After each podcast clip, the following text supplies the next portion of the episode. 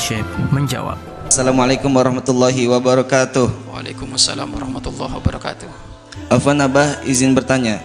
Lebih baik manakah kurban di rumah atau di pondok pesantren? Mohon penjelasannya Abah. Syukron. Baik. Korban lebih baik di mana? Korban lebih baik jika untuk dirimu sendiri ya kamu tinggalnya di mana? Kalau tinggalnya kamu di Amerika ya nggak usah dikirim ke Indonesia. Atau kalau ngirim ke Indonesia setelah engkau menyelesaikan hajah yang ada di Amerika urusan kur korban. Contoh, saya sudah korban di Amerika satu kambing. Apakah boleh saya berkorban lagi di Indonesia? Boleh, nggak apa-apa. Kemuliaan itu, tidak apa-apa.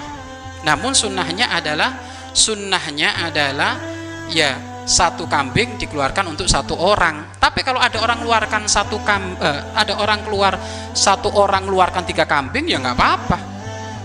Iya kan? Atau satu satu apa? Satu sapi untuk satu orang tidak tujuh orang ya nggak apa-apa.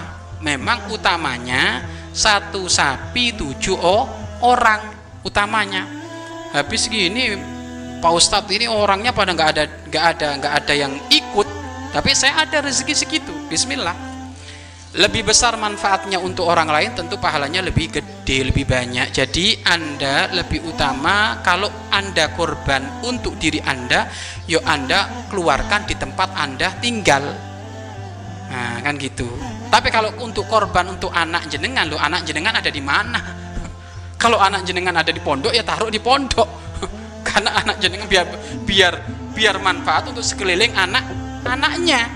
Kan gitu. Tapi kalau untuk dirinya orang tua utamanya ada di ru di rumah ya. Mudah-mudahan dapat pahala wutuh dari Allah berkenan dengan kurban dan yang sudah berkorban mudah-mudahan diganti oleh Allah dengan lipatan ganda pahala dan rezeki yang banyak. Al-fatihah